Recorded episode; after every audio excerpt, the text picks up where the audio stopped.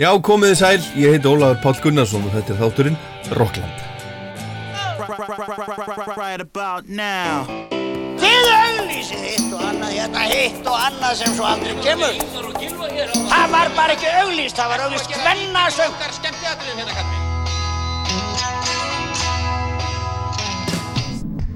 Hvað gerir kvöld? Kíkja á tónleikana? Ekki? Það er ekki beint fyrir mig að vera innan um einhverja brjála úlinga. Hvað mennur þau?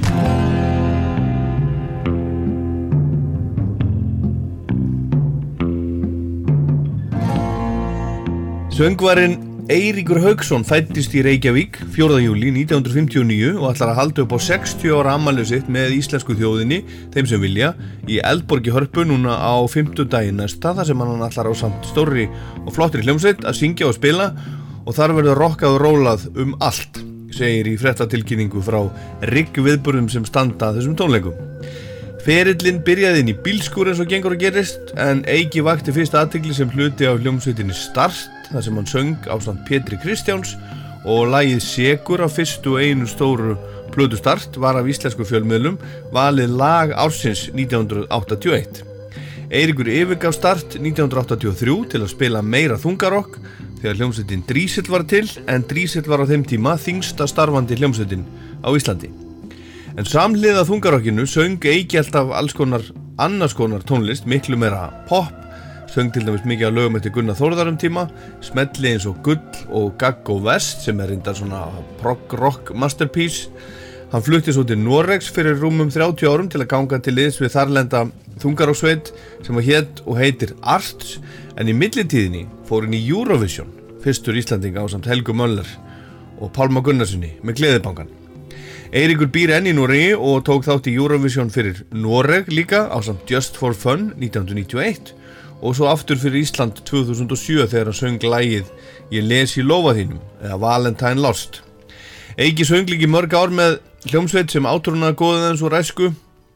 Ken Hensley úr Uriah Heep setti saman kringum sig og sína músík, hljómsveitina Live Fire og með þeirri sveit túraði Eiki um árabil og söng fyrir stóra hópa af fólki músík Uriah Heep sem hann hefur þekkt og sungið í rauninni allt sitt líf alveg frá því hann var 12 ára gammal. Hann hefur lent í hinn og þessu hann Eiki á þeim 60 árum sem hann hefur lifað, sigrast á krabbameini meðal annars og hann er gerstur Rocklands í dag og við ætlum að kynast honum aðeins betur, reyna það og hlusta á eitthvað af lögunum sem hann hefur sungið fyrir okkur gegnum tíðina. Sæl Eirikur og, og, og velkomin og til hamingjum með ammali þó að sé ekki, ekki fyrir ná 15 daginn. Takk fyrir það, það er bara ágætt að taka þetta svolítið fyrirfram, það er ekki? Herðu, hérna, uh, 60-ur, Já, hvernig, hvernig leggst það í þig? það leggst alveg ótrúlega vel í mig. Ég, hérna, ég man það að þegar ég var færtur, Já, þá, þá fannst mér það eitthvað svolítið asnalegt. Ég, ég ekki, get ekki orðið svona gamall og eitthvað, fannst, fannst þetta bara ekki vera að passa. E, Fymtur, alveg æðislegt bara að ná þessum áfanga. Og nú er ég að vera 60 og það er bara alveg frábært. Mað, það er svona er að renna upp fyrir manni bara núna þessa síðustu daga hvað þetta er ótrúlegt í raun og veru. Mann hafa nú lifað sínu lífi sko. Já. En hefur þú farið vel með þig? nei, Ekki. nei ég er algjör böðul sko. Ég, ég reiki eins og strómpur Þú reykir? já, já, og drekk alltaf mikið, finnst flestum Er það? Já, já, og, og hérna ég er einn af örfáa mönnum sem aldrei á æfinni hefur farið í líkansrækt Þú voru aldrei farið líka sætt? Ég var að vinna í Malbygginu uh, tíma þegar ég var svona, svona 18-19 Já. og þá var þessi bylgja að ríða yfir þessi, með líkamsrækt og allir fóru í eitthvað og svona og ég og uh, Rakki Ómars, svona Ómar, Ómars Ragnars og kunningi okkar þriði sem heitir Guðmundur Rúnar og óperusöngvari við að, að vikinga sig, við skárum hérna í hendurnar á okkur, svona- saman blóði og við sórum þess dýra neyð að við myndum aldrei fara í líkansrækt og ég hef staðið við það. Þú hefur staðið við það. En ég menna, nú er náttúrulega, nú, nú náttúrulega vinnur við að syngja. Röddin er, eða, veist, þetta, er, þetta eru vöðvar og þetta er hljóðfærið og þú reykir og, og reyfir þig ekki neitt. Nei, og, og þú veist, uh, Hvað er að þér? Ég er bara eitthvað klikaður. ég var að segja á það, ég er ekki nú þróskaður sér. Nei, en, en þú, ert, ert komin inn á, inn á hlut sem að er í rauninni svolítið mikilvægur og réttur því að um, söngvarar eldast en ef þeir passa vel upp á líkamann og passa vel upp á röddina og æfa þá geta hann í rauninni haldið röddinni alveg ótrúlega vel og lengi maður, ég til dæmis sé að Tom Jones Hann er bara, stórkostlegur söngvari. hann er bara frábær sko. En sko ég röddinni mér ég myndi segja að hún hafi lækkað um svona heiltón um heil tón miða við, ef, ef við miða við til dæmis eh, start tímabilið og, og gakka og vest og allt þetta sko. Þannig að það er svona það kemur fyrir að fyrir, eftir hvernig konstantarnar eru byggðir upp, það kemur fyrir að maður lækkar lögin um, um kannski eitt tón Já, þessi, já. þessi erfiðustu sem eru ert 30 ára gömur sko. Þú ert farin að gera það Já. Ekkit feimið við að viðkjöna það það er bara, sko, þá, þá er það líka þannig að röddin, hún sándar einum tóni neðar eins og hún gerði einum tóni ofar þá, þú veist jú, jú, maður getur, ég, ég get ennþá sungið eins og til dæmis gull en, en það bara, þá maður að vera í fauta formi, það má ekkit út að bregða sko. Akkurat þannig að það er svo leis Koma gullinu þetta, það, Já. er, það er á efniskráni hjá okkur hérna Glæsilegt. Í dag, við ætlum að, við ætlum að hérna svona skauta aðeins yfir, yfir hérna bara eh, lífið já, og ferilinn. Já.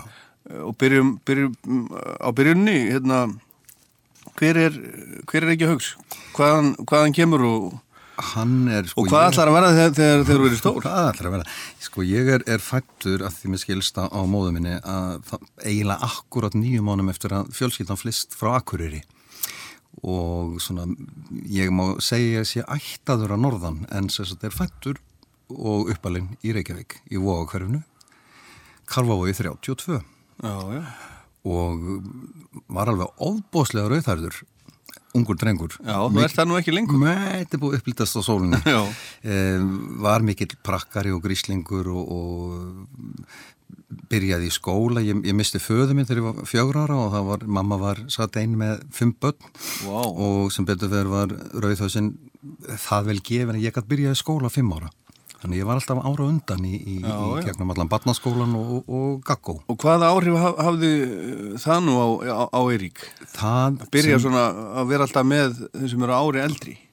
Ég, ég bara man eftir því að mér, mér fannst það bara mjög fínt. Já. Eh, Ég var, og ég var ansi öflugur í, í fótboltanum og var mikið með eldri, já, þreim með fjórum árum eldri strákum sko að sparka upp á sólumavelli. og- já, Þannig að þetta, ég tók eiginlega ekki þetta í. En svo En- hérna, svo fór maður þegar maður fór í mentaskóla þá var nú svona aðeins farið að fara út í öfgar töffaraskapurinn og, og bara kæruleysi, alveg kolfjall. já, já. Já, já, Þannig að, já, þú meinar svoleiðis Já, já, en, en, en fótboltin, ég hef nefnilega heyrt þetta, þú hafur verið efnilegur í fótbolta Stóð aldrei til að, að reyna að feta þá braut eitthvað? Sko ég hef oft sagt, Óli, að hérna, ef ég væri 19 ári í dag á sömu krosskótum á ég var, valinn til að vera með í fyrstskipti í aðaliði, sem sagt fullornu kallarnir, er ég 19 ára og það var þróttur og þá átti að fara að spila einhvern æfingaleik fyrir tímabilið og þá er ég að spila á kefleikuvelli sama kvöld. Og, og það var þetta sko byrjuð 1959, 69, 79 þetta er sannlega verið start. Já, já, gæti að verið start eða, eða einhver eitthvað band þarna undan. En máli var það að þú veist það er ekkert að ringja í hljónstunir, heyrðu ég get ekki mætti í gigið, það er bara ekki það er ekki löglegt. Nei. þannig að ég þurfti að skríða til þjálfarans með skottið á milli lappan og segja, takk fyrir tröstið en ég get bara ekkert mætt. Og þá svona fatta ég að hérna þarf maður að velja sko. Þá, var að byrja að æfa á hverjum degi og þetta var. Þannig að ég valdi Wine, Women and Song. Já, akkurat. En hefur einhvern veginn séð þetta í? aldrei séð eftir því, en, en ég er nokkuð vissum að maður hefði valið fótboltan í dag. Það, Er það? það eru peningar Já, og gaman, Já. ógeðslega gaman á já, boltanum. ég menna ef, menn eru, eru góðir. En svo er þetta, menn náttúrulega, þú veist, þú, þú værir ekki ennþá að sparka fótbolta. Nei, það er málið. Þú værir löngu hættu því, þú værir kannski þjálfari hjá þrótti. Já, eitthvað hundlegilegt eða, eða hjá, hjá einhverju Nóri, Já, norsku liði. Nei, nei, enda eins og ég segi, ég hef aldrei, aldrei séð eftir því vali. Nei, en hvernig, hvernig vildi það til að þú byrjar, byrjar í músík? Það bara, ég á frænda sem heiti Kitty og hann átti mikið plötusafn og þannig að ég verið svona 11 ára þegar ég komst í plöturnar hans þá þetta fyrsta sem að Black Sabbath og Purple og Zeppelin voru að gera og, og svo aðeins setna Júriða Hýp og bara einhvern veginn bara alveg heitlaðist af þessari tónlist og, og þar var eiginlega þar var eiginlega kapallin lagður sko. Já. þetta var, það var ekkit undan því flúið. Eld, já, eldri frendi eldri, já, tveimur árum eldri, þreimur árum eldri en ég sko, og, svo, og svo bara var þetta koll á kolli, ég var heppin með, með mína tvo eldri bræður. Halli elsti bróður, hann var mikill eh, Chicago og Blood, Sweat and Tears maður, Exception, svona instrumentalband frá Hollandi. Jói sem er tveimur árum yngri en hann, hann var meira í, í þessu Purple og, og Mountain, Grand Funk og allt þetta, en ég fekk svona, þú veist, ég, ég varði ekki bara einhver einblíndur hefjur okkar. Það komu þarna áhrif á utan sem að, sem að ég held að hafi gert mér mjög gott Já, akkurat. En hérna sko ég man eftir fyrst í start mm. bara segur Já. þá heyrði ég í þér fyrst mann ég. Og ég var bara 11 ára og finnst þér ekki pínu júri að hýpa áhrif í þessu? Ég hef sko jú kannski þegar, þegar, þú segir það, ég hef nú aldrei samt hugsað þannig, þetta hefur bara alltaf verið bara þetta lag, þetta segur og ég man að mér þótti þetta rosa flott og ég setti þetta á kassettu alltaf að taka upp á kassettu. Já, já, já, og hérna það, það eru sko það eru, það er einkenni hérna DJ-sins, það er að vera alltaf að taka upp á kassetu og leifa öllum að heyra. Hefur heyrt þetta, hefur heyrt þetta lag, geðveitt lag þannig ég átti segur á kassetu og þetta var eitt upp á slæði mitt mm, gaman tíma þegar þetta kom út, þetta var alveg og ég meina þú varst, þú varst þarna eh, þarna hefur þú bara verið, verið tvítur Eh, þetta, þetta, þetta var lag ársins sennilega komið út uh, 81 því að ég fekk einhvern stittugarm fyrir þetta, þetta var kjörið lag ársins 81 Já. á, á sem sagt bladamennum Já. þannig að það hlýtur að koma út 81 þá er ég 22 en hvernig byrjaði start? Start byrjaði á því að ég og Sögi gítarleikari við vorum búin að brasa mikið saman og vorum í bandi sem að hétt, ég man ekki hvað hétt, Octopus held ég að verið, þá vorum við komni með Jonna Ólafs Bassa sem var, spilaði nú lengi með Pétur Kristjáns. Akkurat, og hann er nú aðeins eldri því eða ekki? Jú, jú, þeir eru svona næsta kynslu undan, má segja og, og okkur fannst við vera svona bara bastli eitthvað, þetta var eitthvað óðalega vonlust en er ekki hægt séu ekki sagði það, er, er, getum við ekki bara að prófa að tala við Pétur Kristjáns, hann er hættur. Já. við getum örgulega plataðan til að byrja aftur. Já. Og, Og Pétur var þá bara þrítugur eða já, hann, hann hefur verið, en hann verið já, eitthvað um það, um það sko. En, en, en þú veist, ég hefði aldrei eins hlétrægur og ég var, ég hefði aldrei farið heim til Péturs og, og bankað upp á nema Sigurgir hefði tekið stjórnina sko. Já, þið fóru sér saman heim til Péturs. Já, já, bara bankuðum upp á og sem náttúrulega var bara náttúrulega búin að vera stæ, skærast af popstjarna landsins þarna, hann og það Björgvin. er, og það ekki að það koma neinum á óvart að hann kom til dyrana í klossunum og sloppnum Já, um miðjan dag. Já, já. easy going náangi sko. Og hann, hvað hva, já, já, og, hugsa málið og svo bara ákvað hann að slá til og, og það var náttúrulega það, þar með fengum við byrjundu báða vangi, má segja, fengum hann hennan leiðtóa inn og sem var með náttúrulega ótal sambund Já, já. Já, og hann var vera náttúrulega bara líkil maður í bransarum Já. en, áratug. Og þarna, sko, svol- svolítið sérstætt, þið syngið þarna, þarna á plötunni mm. en hún snýst nú samt, syngið þið báðir, tveir söngvar. Já, þetta var mjög óvinnlegt en, en við vorum við vorum orðnið þá og vorum eiginlega bara alveg frá, frá fyrstu kynna þá vorum við eiginlega óaskiljanlegir Þú, Ég og þú, Pétur, þú og Pétur. Já. Já. og þetta var svona hann svona þú veist eins og til dæmis uh, fyrsta skipti sem hann mætir á æfingu við, eh, og við erum í miðju einhverju lagi, þetta var eitthvað Santana-lag mann ég, mjög rokkað sem að Dökki söngvarinn sem var í Santana tímabilið söng. Og Pétur kemur með einhverjum öðrum með sér kemur inn, inn í, sem sagt, í æfingarhúsna og við erum í miðju lagi. Og hann gefur alveg glögglega merkjum það haldið áfram, haldið áfram og við klárum að- og ég syng þetta lag. Og svo kemur hann beint til mín og svona grípur um, um hálsin á mér. Herðu þeinur, á hvaða vítamínum ert þú? fannst, ég, fannst ég vera mjög rattsterkur sko, en, en það hindraði hann ekkit í að vera meðsöngur minni eða ég meðsöngur hans við bara, við, við vorum ólíkir og, og þetta var rosalega skemmtlegu tími Og þú varst að spila þarna gítar líka.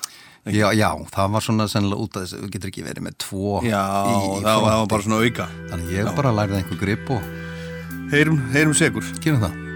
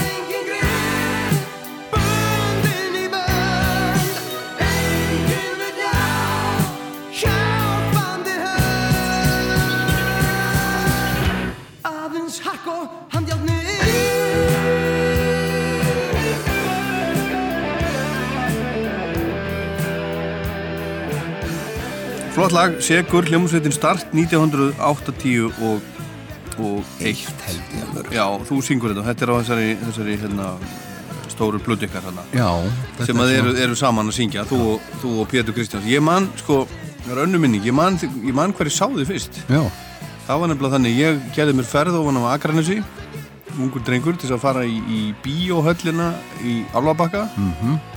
að sjá hérna ACDC myndina Let There Be Rock, maður skildi því ég man þetta því.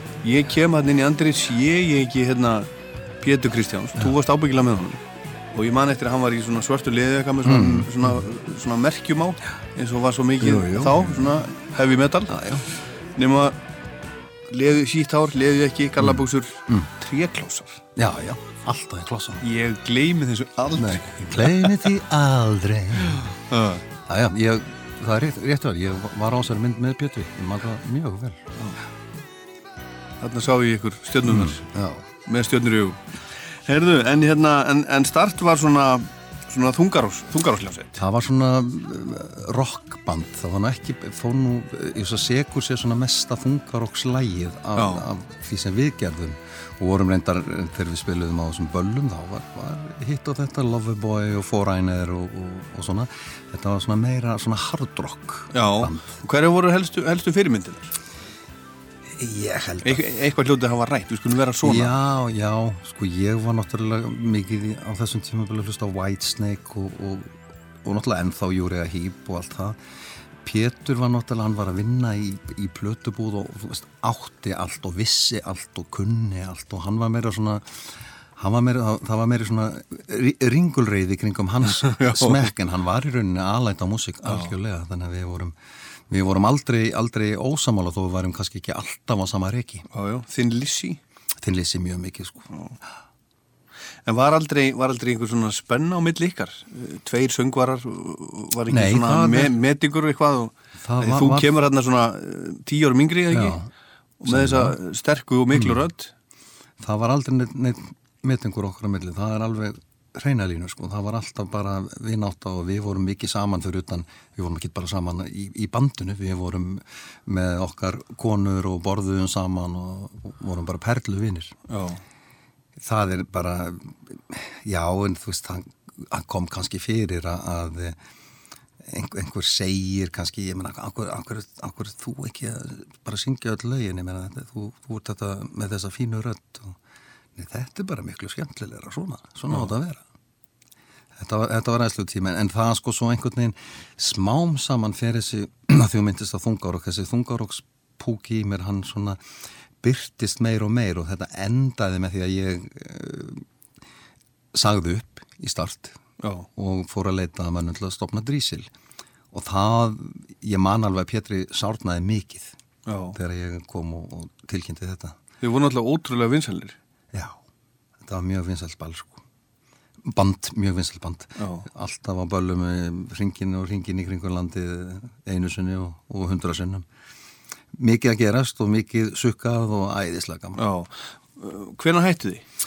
við hefum hætt átt, ég, ég, sko, ég hætti held ég 83 Já, en getur verið að þeir hafi, hafi haldið áfram. Já, já. Minnir bara minnir að fyrsta sveitaballi sem ég fór á, félagskarði í kjós, lamin alveg í harfisk fyrir utan. góðan daginn sko. Það var held ég með start. það geti verið, manstu hvort að ég var með þá Ég man ekki, hugmyndun, það var búið að vera að láta mig drekka brennivín. já, uss, uss, uss. Herðu, við skulum heyra aðeins í Pétri hérna. Gerum við það? Heyrum senna meir. já, glæsilegt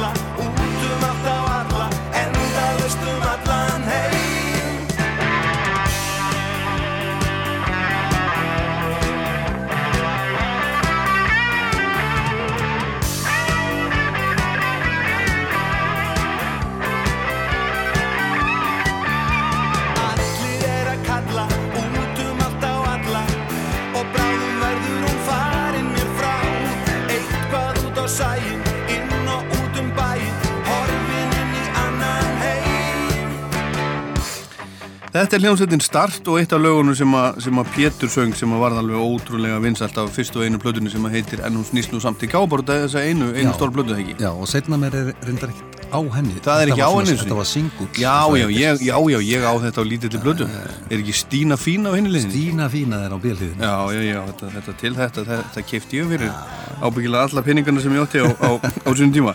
Herruðum, þið voru með á, á hérna, Rocky Reykjavík? Við vorum með það, já og ég man þegar ég sá, sko, mér fannst þið svona, mér fannst það svolítið svona, þú veist, einhvern veginn start og þussaflokkurinn ekki alveg passa inn í, eða þið voru svona stungu svolítið í stúf, fannst já, mér, sko. sk- Já, sko ég, hef, hef, ég er alveg viss um það, ég hugsaði það eftir og ég er alveg viss um sko eh, Friðrik Þór sem er stór skemmtilega náðingi og, og mjög rótgróin vogamaður sko.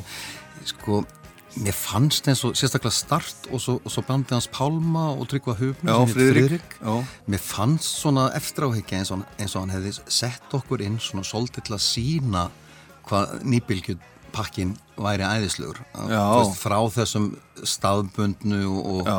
og bönd sem oft er að spila lög eftir aðra og svo kemur sem sagt Bubbi og þá náttúrulega og Þeisararnir og allt þetta sem að fá miklu meira pláss svona, í, í myndinu og svona eftir því sem ég hugsa betur um það þá finnst mér það alveg eðlilegt. Það, hann, hann hoppaði svolítið yfir þessa sögu og svo náttúrulega eru það vantar náttúrulega allan grunninn í Rokki Reykjavík þegar hljómar og dátar og allt þetta ekki eru með sko. Já, já. Hann, hann tók bara það sem er að gera sér dag Já, ég held að sko, ég held að Friðrik hafi alltaf að gera mynd um Bubba sem varð að Rocky gæti, Reykjavík. það gæti vel verið sko. Já, og það eru, síðan eru, síðan eru liðin, liðin mörg ár. En hvernig var, sko, hvernig var, þarna þegar þið eru að, er að stopna start, hvernig var músiksenan í Reykjavík? Þú veist, voru einhver tækifæri til þess að halda tónleika? Nei, það var, eh, það var lítið, það var, það var hægt að spila í klubnum, gamla klubnum. Uh, tjarnabúð var til, en, en start var einhvern veginn bara alveg frá byrjun, ég held að við spilaði afskaplega lítið í Reykjavík, við vorum á þeysingjun um allt land og vorum í rauninni, vorum í rauninni með alveg eins mikið tónleikaprógram eins og ballprógram. Við vorum nokkuð miklu þingri heldur en, heldur en flest bönn sem voru að spila. En svona Pétur, þessi, þessi mikli diplomát sem hann var, hann, þú veist, hann gætt fundið einhver lög sem við, við tökum þetta, tökum þetta og þá pókin fyrir ekki og þá getum við tekið þrjú hefði eftir á sko. Svona er þetta strókar. Pókin? Já, pókin kaupir þetta sko. Það er plastbókarnir sem þetta. Plastpókandi sem mæta. En hvað voru það að spila þá, þá með, með ykkar músík? Það var svona eins og fyrir séð að við vorum með, við manna Turn Me Loose með Loveboy var alveg standard og var það að vera með á öllum bel, við vorum að spila Kings, Lola, við, vorum með eh, John Cougar, Mellencamp, Toto, þetta var bara all, allur fjandinn. já, já, og, og, og, og, Vældarinn, eða ekki? Vældarinn var alltaf með. Og það er allt saman? Já, já, já. Já, já. En hvernig, með, með tónleikana núna á, á fimmtudaginn, hvað er á prógraminu? Sko ég án þess að, án þess að uh, uppljóstra á miklu þá start er að sjálfsögðu með. Drísill er með. Mm Gunni Þóruðar er með. Ég, ég myndi segja að fólk fær þau lög sem það býst við að það fái og svo nota ég tækifærið í, með þau lög sem ég byggi utanum þetta sem eru þá einhver ellend lög að taka lög sem að, sem að mér finnst hafa móta mig og ég held að séu einn fimm lög sem ég tek sem að ég hef aldrei sungið áður Nú, bara einhverju hluta vegna ekki, ekki verið eh, já, ekki, ekki tækifæri hefur ekki bóðið sem að þú ég, hefur aldrei sungið á sviði? Nei, Það er merkilegt, Já. kannski koma því, því aðeins betur og eftir. Endilega. En hérna, sko, þannig ertu í þessari, þessari uh, þungarókljónsveit eða, já, Já, þungarókljónsveit, start, Já. þungarókljónsveit þetta er svona hard rock, þungarokk en svo ertu til í, í hérna, hvað sem er annað líka á sama tíma. Já, og ég ætla að spila hérna næst lag sem að heitir Íshjartað slær. Af er heimin, heimin og jörð. Já. 1981, þetta er á sama tíma og þú, og þú ert í start að syngja segur og svona. Og hérna þannig líka lag sem þú syngur sem að heitir Læknisráð. Já, og þetta er sama platan og fjólublátt ljós við barinn er á Einmitt. heimin og jörð. Og þannig er líka þitt fyrsta brós og, Vetrasól. og vetrasól. Og vegurinn sem, að, sem, sem Pálmi syngur. Já. mikið af fí, fínum lögum hana. Gunni Þórðar við skulum heyra lag. Ísjartað tifar Íshjartað slær Ísjartað slæri Þú manst eftir þessu ekki? Ég man eftir þessum titli, nú er ég spenntur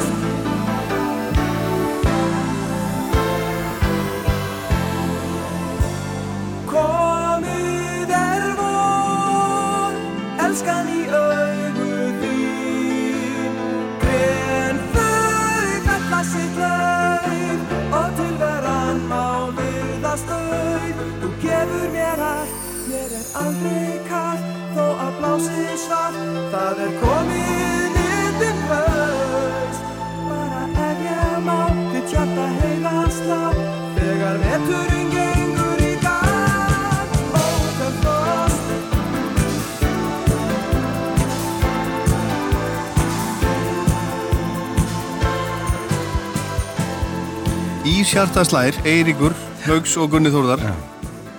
Manst Ég- eftir þessu? Nei, veistu það, ég, það er valla ég mun eftir þessu, ég man eftir einhverju svona tek, textalínu þarna blátt og eitthvað. Já. en um, ótrúlega hvað þetta hefur horfið sko, en, en það er nefnilega þá erum við eiginlega búin að tengja við Guds og, og Gakk og Vest. Því að hérna, þetta var náttúrulega mikill heiður fyrir þennan unga söngur að fá að vera með Gunnar Þórðar á þessari plötu og hann hefur greinlega verið ánað með það sem ég gerði því að hann hefur samband við mig aftur. Já. og hérna bara er að fara að gera aðra blötu og vill, eh, þetta verður með svipuðu snið og mér langar að fá því einhver tvö lög. Ég er svona, ég bara með þetta á svona demostíi núna sko.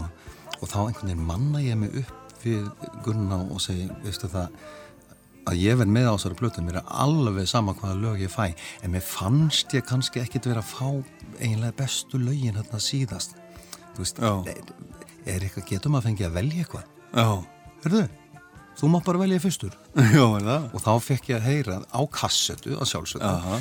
var Gunni búinn að gera bara svona demo heim í stofu bara með kassagítarinn og, og vera að raula þessi lög og, og ég vel Það var hann gaman að heyra það maður. Já, ég, ég, hann á þetta örglega hann er þannig típa, hann geymir sko. Eh, og þá heyr, velja strax þarna lag sem að síðar verður gull. Það var engin text í komin eða neitt. Hann er bara raula og svo heyri ég þarna einhvern rockfrasa. Og að því að hann vildi að ég tæki tvölu þá, jújú, jú, tek bara þetta. Þetta getur orðið ágættis rockla þegar það komið band og svona. Það, það er eitthvað, eitthvað moment í þessu lægi sko. og sem að síðan var þá Gang og Vest og, og náttúrulega langvinnselasta lag sem ég hef nokkuð tíma komið nálagt þannig að þetta var sko þarna sínda mér það tröst að hann leiði mig bara að velja fyrst og, og ég er náttúrulega, ég er búin að segja það margótt við Gunna og það er alltaf, þú maður heyra það einu svona en elsku kalli minn að ég á honum náttúrulega afskaflega mikið að þakka. Um, við getum sagt sem svo að jú það hefði örgulega komið eitthvað sem hefði gert það að verkum að maður hefði orðið svona landsþekkt nafn en það gerðist þarna á þessum tíma og mjög hratt og það var bara út Já, af Gull og al, Gagg og Vest almenningseign þarna Já, eftir, eftir Gaggo Vest mm -hmm. Heyrðu það?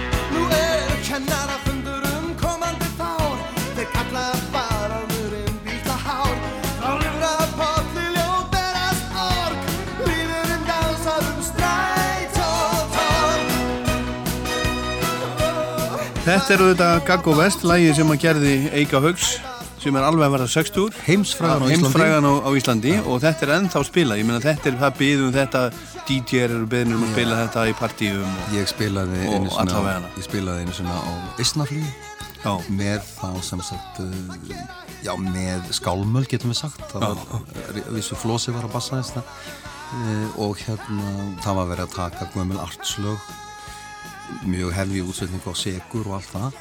Og svo þegar við erum, erum að tilkynna síðasta lag sem betur fyrir voru strákarnir bara að æfa það svona ef skekkinni þá, þá stend full eigilsbúð af metaljökkum og, og húfum og armböndum og allt stendur þetta svartklædna fólk og Gaggo Vest.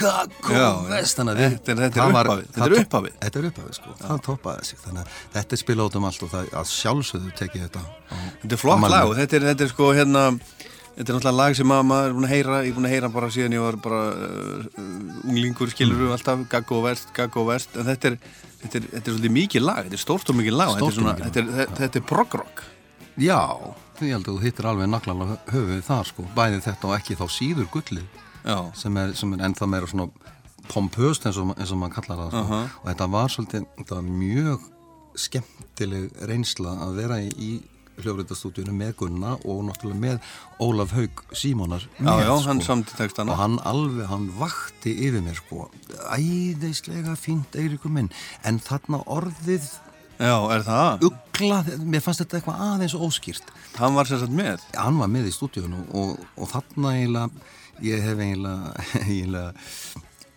já, bara lærði þarna, veist, að framburður skipti máli. rosalegu máli Já, og hann var mjög, ég, ég er bara honum þakkláttu fyrir það. Þessu var ekki bara, var ekki bara skýrt út úr sér eða, eða böglast með þetta, þetta var það, fólkið verður að skilja hvað þú ert að syngja. og svo er þetta svona þetta er svona, þetta er svona unglinga hvað segja Þetta er unglinga svo- uppreist svo Uppreisna lag, sko. Já. Og ég, Það- er, og það- ég er enda nýbúin í kennaraháskólanum, þannig að það var á þessum tíma Já. já var það Já, ég er búin að það útskrifaðist þar 84. Já, þú lærðir, lærðir kenn, þú, þú, Ég er nú þú, þú um kennaramentaður. Já. Já, já. Þú, þú er ekkert fullarnast við það? Ég held ekki. sem betur, sem betur fer Herðu, hérna uh, þú varst að tala um gulli það var, það var fyrsta lagi sem að þú Það, ég valdi það fyrst. valdir, valdir fyrst hvað var það í, í því lagi sem að, sem að kveikt í þér ja, þessu demói sem þú heyrðir Það Gunnar? var bara þessi, þessi da, da, da. Hann, ég held að hann var sungið bara svona da, da, da, da, da, da, da, da, da. engin texti, komin þetta var bara, þetta var bara, þetta var húkkur eins og við segjum sko. Já. en svona fyrir þá sem hafa aldrei hug, hugleitt hennan texta um hvað, um hvað fjallar þetta lag? Já, gulli fjallar um að það var, þetta er, þetta er sögulegu texti, það, það einhver tíman þá spurðist það út að hefði fundist gull upp í kjós. Og menn fóru þar að grafa í miklu merð, erg og milja berg og þetta var, sem sagt, það var, má segja, hafi komið þarna smá gullæði í mjög stuttan tíma, ég veit ekki hvort að það var eitt ári eða tvö, en Ólafur er sem sagt að semja um þetta. Já, Það er gull í mýrinni mælir einn, stórir mólar ef vel er gáð og, og það fram eftir guttunum þannig að þetta er, þetta er, þetta er mjög flottu texti. Þetta er byggt á sannsölu ég hef aldrei, aldrei pælt í þessu. En þetta er, þetta er mjög vel ortur texti.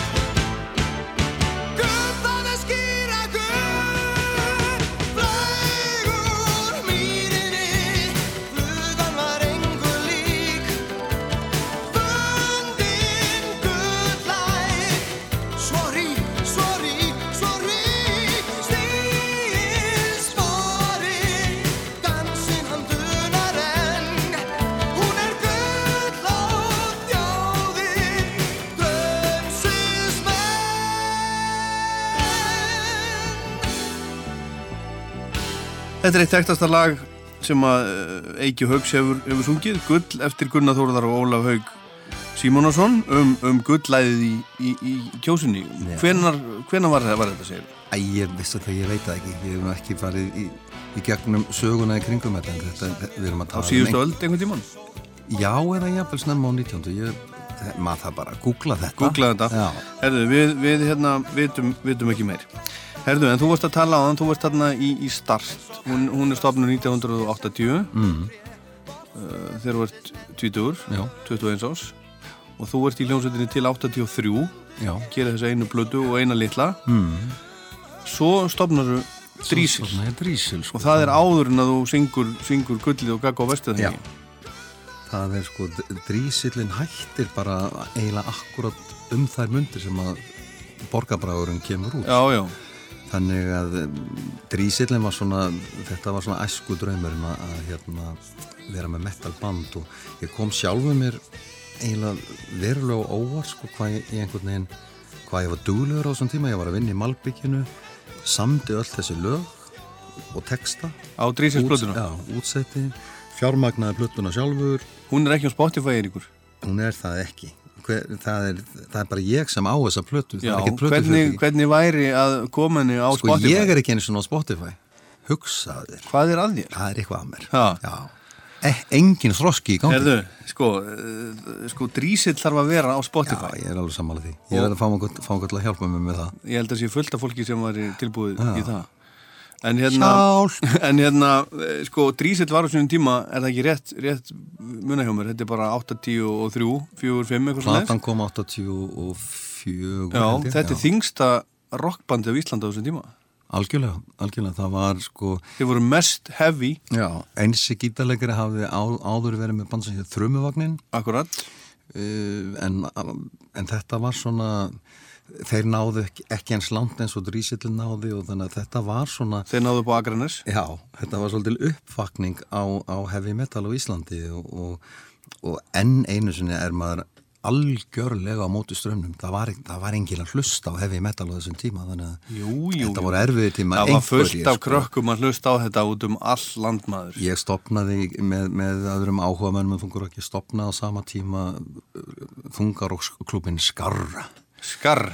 Það var haldnir, haldnir, haldnir eh, fundir eh, þriðja hvert fimmtudag ef, ég- mann rétt og, og þá var ég bara eh, með, á samningi eða í gútvill hjá fálkanum. Já.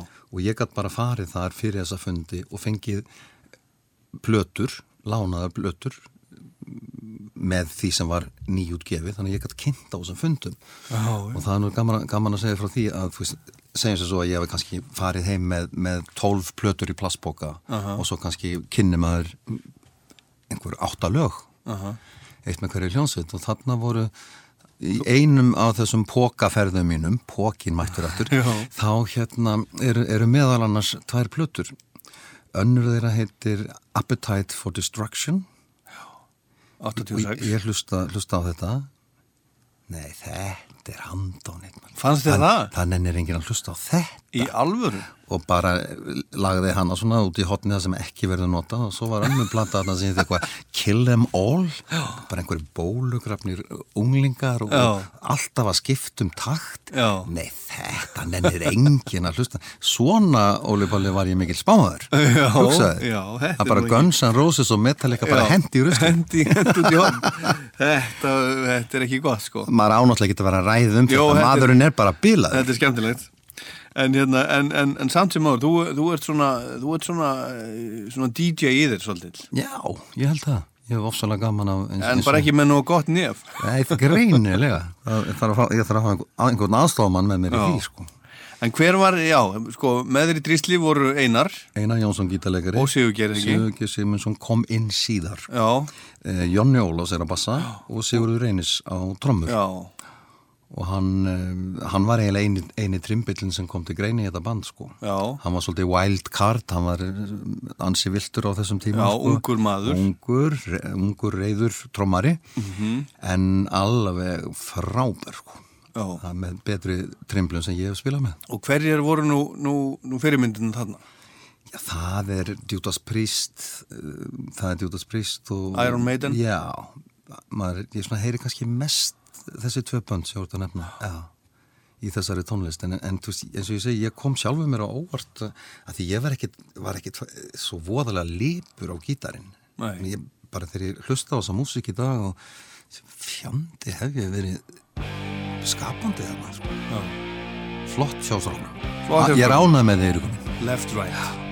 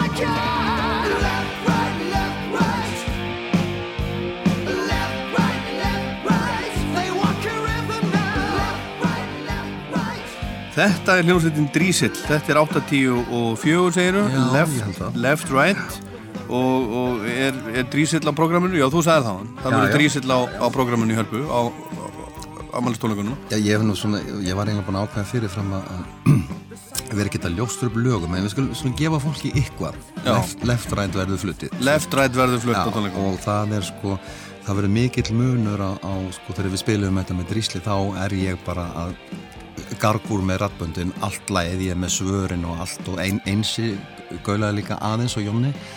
En þarna ætla ég bara að nýta mér þennan ara grúa söngara sem ég verð með mér á þessum ammælist tónleikum og þetta verður bara- Hverjir eru það? Ég, ég, er er búin, ég er ekki búin að fá leifi fyrir ekki hvort, að- hvort að ég auðlýsa en, Nei, en, er en þú fullt- veist, þetta er, þetta er þessi góðu vinn minni sem eru búin að vera í, í, í Meatloaf sjóum, Freddy sjóum og, og rock, bæði rockarar og stelpur já. þannig að þetta verður alveg Stelpur, massífur stelpur pakki. rokka líka. Já, ég veit það Heyrðu, aðeins aftur að, að borgabragnum. Já, Þarna er sko, þetta er, hún er gefin út í tilminn á 200 rámali Reykjavíkumorgar. rétt Björg, hérna, Davíð Oddsson var borgarstjóri. Hann á texta á blöðunni. Var þetta eitthvað svona, eitthvað svona samkrull, eitthvað svona, þetta, Já, þetta, þetta var sniðu leikur Já. hjá Gunna að fá sjálfan borgarsjálfan með þetta á þennan hátt sko. já, samti er- við Reykjavíku tjöld. Já, þetta er sko bæði hímin og jörð og þessi plata get sagt að séu svona kannski tvö-þrjú löga á, á báðum þessum plötum sem eru kannski ekkert neitt, neitt sérstök en, en mjög mikið af góðum lögum miklar tónsmíðar hérna En þú ert þarna einhvern veginn eh, eins og mér finnst það svona lífið og ferill hafa engin stað. Þú ert þarna, þú, þú leikur tveimur skjöldum. Já, já, þetta er mjög, mjög bókmentalega sagt Óli Palli og mjög rétt líka Já, þú ert, þú ert hérna, þú ert annars vegar, ertu, ertu uh, söngvari í hörðustu þungar á hljómsveitlandsins Já. og svo ert að syngja svona pop. Ég nýbyrjar í arts þegar, við erum að taka þátt í í fyrst svona hefur minn ferill ve- verið og ég hef oft svona haft að, já, sagt af gamni að ég sé nú eiginlega tónlistalega skitsofren sko. Það mætti halda það en, en þetta er líka svolítið þannig að hérna ef að ég fæ eitthvað tilbóð sem um að syngja Eurovision lag og, orða það við fólk og, og það er kannski einhver spekulant sem segir nei, þú getur nú ekki verið að gera það. Þetta er alltaf langt fyrir utan þitt svið, er, er, er, er þetta ekki mistök? Og þá kemur þessi púk upp í mér. Get ekki ég? Já, og þá er en öruglega miklu meiri hætt að, hætt á að ég gera það sko. Já, já. en það, já, það er gaman að augra augra fólki, en sko ég held að ég hafi með því að vera vasast í svona eins og segir hinn og þessu, þá held ég að hafi á að einhverju leiti hef ég eðalagt svolítið fyrir sjálf mér sérstaklega hvað var þar sko gaggrinendur og, spekulanda þetta fjall ekkit í kramið hjá mörgu fólki að vera dúlla svona í hinn og þessu þungar og ekki júravisin, er þau kallinn, hvað viltu vera? já. Og ég get alveg skilið það, það er, en, en ég valdi þessa leið og það never look back, þannig að maður ekki að vera að sjá til því núna. Nei, heyrðu, næsta lag, það er líka, það er sama, sama lið og, og á, í gullinu og Gaggovest, Gunni Þórðar og Óli Haugur. Superman. Ha? Ha, segir Eiríkur. Við heyrum þetta lag hérna bara rétt á eittir. This is Steve Harris from Iron Maiden. You're listening to Radio Iceland, Rockland.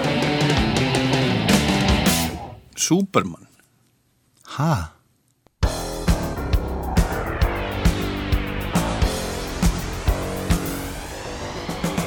Superman, Superman, Superman Superman, Superman, Superman Hvað er það í raun og veru sem hann kann?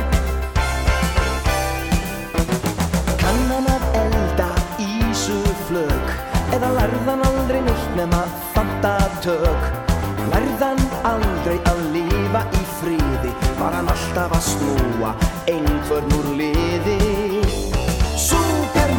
Superman, Superman, Superman Superman, Superman, Þarf ekki að taka þér frí frá störfum til að sinna þínum. Andlegu þörfum. Þú er eiginlega kvorki, fuggn ég maður. Þú vinnur alltaf sigur en ert samt aldrei gladur Þú svífur um með kreftan nefa á lofti. Svipað og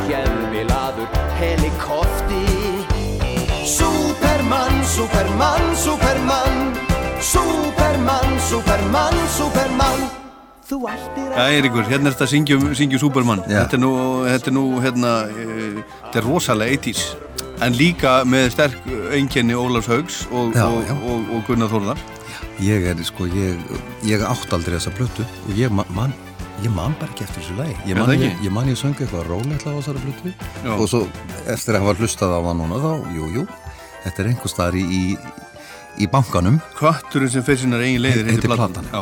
Og er þetta ekki all lög, er- á Óli Haugur ekki lögin líka? Ég held finnst þetta vera svona eins og hann Held- held hafi það. samið Já. þetta, þetta lag sko. Gunni bara séður um upptöku fyrir. útsettur þetta Já.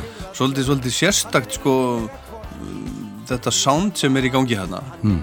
sem, er, sem er Gunni Þórðar þetta er svo mikil breyting á ekkert svo löngum tíma Já, sko þetta er, þú veist, það eru hljómar það er trúbrott Hmm. Og svo eru hljómar 74 og svo gerur fyrir hann að gera sólarblötur og það sem hann er svona lífrætt fer svona, hann stekkur alveg á, á 80s syndana alveg alveg, já, eins og köttur, eins og köttur.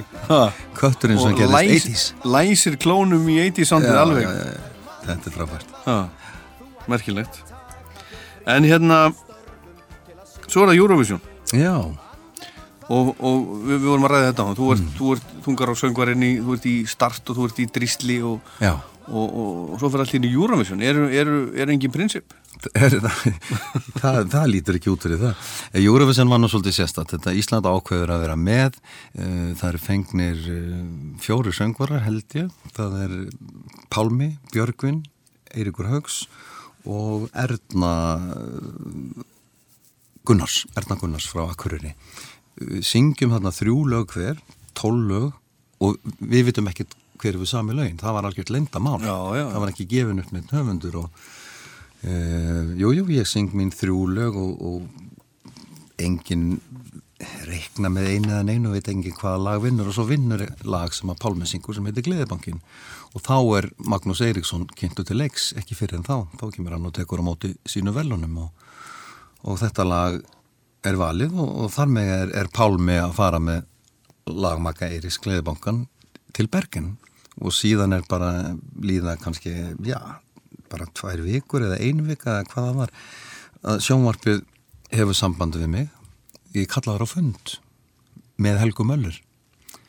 Og okkur er kynnt þar þetta plan að þetta er fyrsta skipti í Eurovision og það, þetta verður að vera stór pakki og okkur finnst við þurfum að, að bæta þetta. Pálmi náttúrulega sjálfgefin, hann syngur þetta lag en við viljum, við viljum hafa þarna þríeiki og okkur er semst bara bóðið að vera með. Og ég allan að ég gat ekki ég var, ég var aldrei nálegt því að, að íhuga málið eitthvað, maður bara saði bara já takk, þú veist, Ísland með í fyrsta skipti og maður vissi alveg að hverju stemdi, þetta var ríkalega mikið og stórt batteri sem að fyrir hann í gang og náttúrulega eins og, og Íslendingar er við, við vorum bara leiðin út þess að vinna. Það var Já, ekki já, spurning. það- búið að ræða það og það smitaðist, það smitaðist yfir, yfir í okkur sko.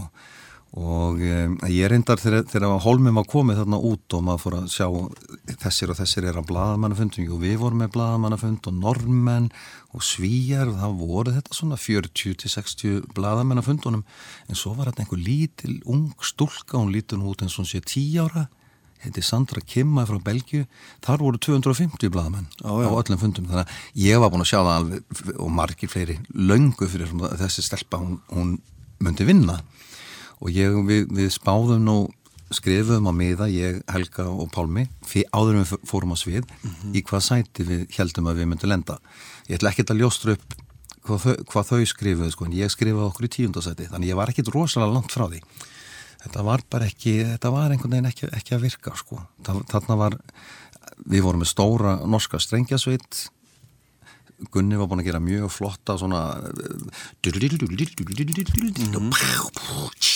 það voru sprengingar og æðislega kúl eh, sem að þetta var bara ekki, þeir gátt ekki að spila þetta eins og þetta var. Nei, nei það var á þeim tíma, það voru, það voru stóra hljómsveitir. Já. Og það mátti sko en eftir á að higgja og, og þetta var fiskið sem sjónvarpið með við hefðum geta haft þessa hluti á teipi eins og við köllum það. Já. en þá verða hljóðfærin að sjást. Þá hefði til dæmis ég þurft að standa við eitthvað keyboard og, og þykja að spila. Þannig hefði verið hægt að gera þetta sko. það hefði verið hægt þannig. En lægi lifir. Lægi lifir. Það er lifið góðu lífi. Já, já. Og við skulum heyra það einu sinni enn. einu sinni, það- það er ekki full reynd með gleðimokkan Tíminn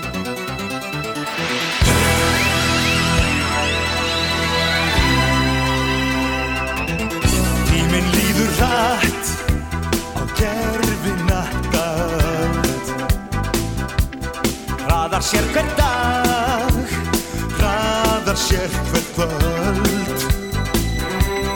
Ertu stundum hugsandi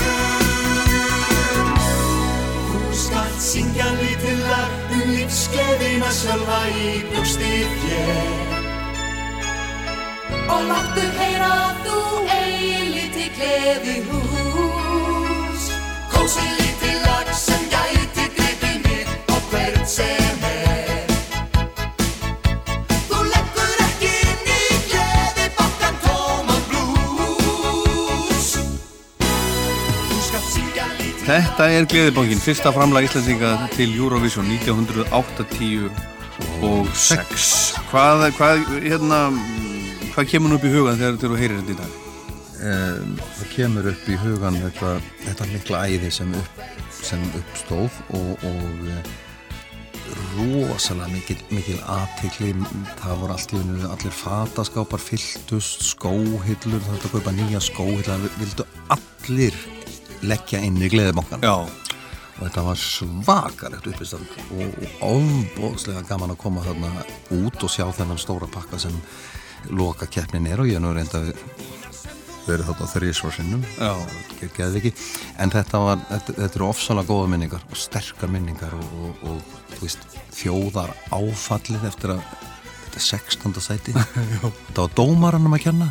Já. Algjörlega, krakkarnir stóðu sér eins og héttu Já, þetta og dómaranum út af með dómaran út af með dómaran innan með konunans eins og eins og einhver sagði. Herðu um, þú ert mikið að vinna þarna á þessu tíma með, með hérna, Gunnar Þórðar, búin að vera það búin að syngja hérna Gaggo Vest og, og Gull, er, er, er gott að vinna með Gunnar Þórðar? Já, hann er, um, hann er uh, rólindur en hann er mjög ákveðin. Já, Hann er fasta skoðunir á hlutunum og, og um, þú talar hann ekkit mikið til, hann, hann er með, mér finnst eins og hann sé alltaf með hlutina bara þroskaða og mótaða í, í hausnum. Já, Og svo bara gera. Já, svo gera mér bara eins og, eins og hann, eins og hann leiðbeinir. já en, en svona eins og þegar þú varst að taka upp bara að segja um Gaggo Vest Mm. tók þetta langan tíma?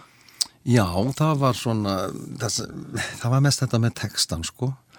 Að Þetta er góður texti og textin verður að koma til skila. Mér finnst bæði þessi lög gull og gagga og vest er, er svona alveg ótrúlega gott samspil texta og lags. Svona eins og, eins og, eins og Elton John og Bernie Taupin, þú veist, algjör og samlokur hérna í þessu málum Gunni og Ólafur sko. Þannig að það, þetta var, eh, mér minnir þetta að við tekið svona freka langan tíma. Já. Já. Það er einhvern veginn, Eiríkur, sko mér finnst einhvern veginn þegar ég, þegar ég, hugsa, þegar ég hugsa um þig Mm. og svona, þá finnst mér og að hafa einhvern veginn allt einhvern veginn svona lagst með þér bara nokkuð vel, án þess að þú hefur haft mikið fyrir því. Er það, er það rétt, rétt skil hjá mér eða, Já, eða er- tónvillisa? Nei, nei, engin tónvillisa. Ég, ég held að ég, ég er, ég oft sagt að ég sem mjög latur maður að eðlisfæri e, og Til dæmis, til dæmis hef ég, ég hef aldrei haft umbósmann. Korki hér heima eða úti. Það var einhver smá tímabili sem að um, Pálmi kynnti mig fyrir umbósmanni þegar ég var í, í sambandi við sjó upp á Brottvi og svona en, en ég hef aldrei haft umbósmann og, og hef Ekki á aldrei, Facebook? Nei, Ekki á Facebook. Spotify? þú veist, ég er ekkit, ekkit mikið fyrir að glenna mig framann í fólk og sem betur fyrir eins og segir, það er eins og eins og hlutinir hafi komið uh, þægilega mikið eða lítið upp í hendunar á mér Já. Næsta spurning var sko, ertu duglegur eða letiblóð? Nákvæmlega, nei ég er, ég er mikið letiblóð og, og afskaplega rólegur það ég segi stundum í gamna að ég á mínum, mínum bestu stundum þá ég, ég hjarta slá ekki nema svona fjóru sem á mínútu sko Já, erðu, en þú ert nú búin að gera samt alveg helling og það var sérstaklega þarna á, á þessum tíma var nú, nú heil, heilmikið um, að- um að vera. Þetta var sko, þarna í loftinu er hvað, 86, mm Mhm. það ekki?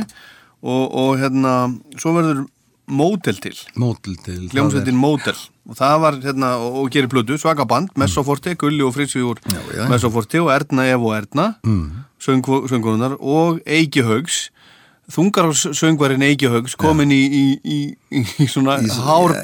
Já, og þannig er aftur, enn og aftur erum, erum við inn í talsverður í tíma skekku þú veist, þetta er eh, þetta er, hvað, þetta er ný þetta er, þetta er 87 sem við tökum þátt í Eurovision með, með lagi Lífið er lag Já, í söngvakefninni. í söngakefni hérna heima, lendum þar í öðru sæti og eftir uh, Þannig að þú ætlar að reyna aftur.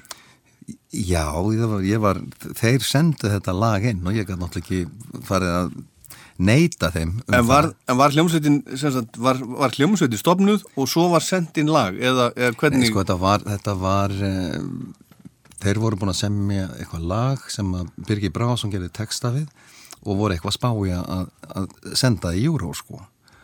Og uh, svo var það gert og það lag komst inn og, og þá var ég náttúrulega bara neldur í, í neldur á krossin aftur. Já. og þetta er svona uh, en þetta lag var vinsælt. Þó að ekki, þó að ekki farið alla leið þá var það mjög vinsælt og, og uh, eftir, upp úr því kom Steinar Berg með þá hugmyndum að myndum gera plötu Já, já. og Frissa og, og, og Gulla langaði mjög mikill að gera einhverja, einhverja svona popplötu. Aðeins að fjallegast þetta með svo dæmi sko. Og það, það eru mörg fín lög á þessari plötu en, en hún var tímaskekkja. Þetta var ekki þetta var ekki inn á þessum tíma.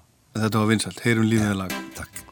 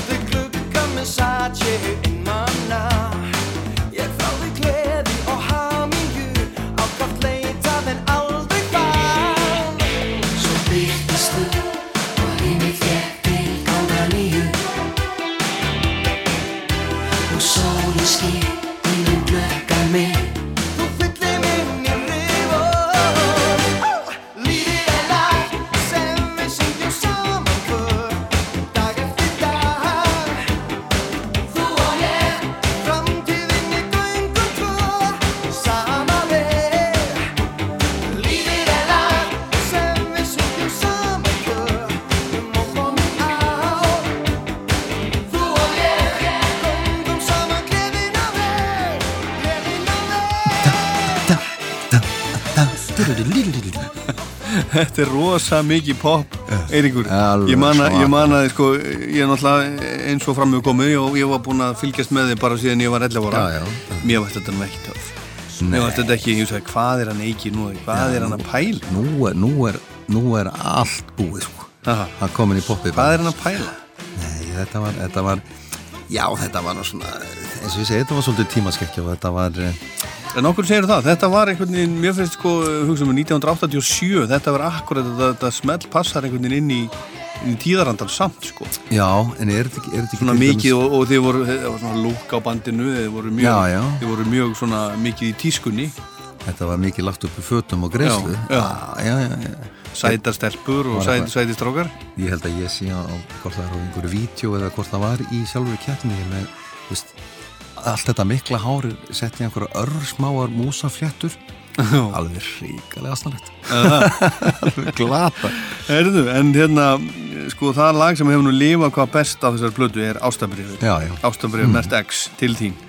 Og við skulum heyra byrjunina á útgáfunni sem að kom út á mótelplötunni 1987 og skipta svo yfir í útgáfunni sem við gerðir með, með já.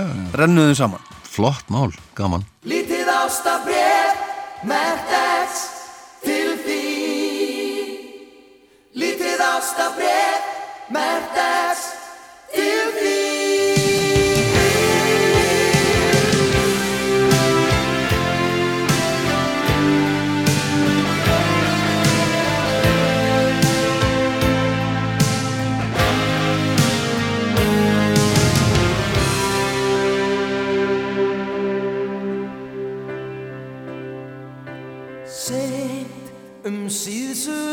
nótt. Allt kyrlátt og hljótt Dagur í dróma.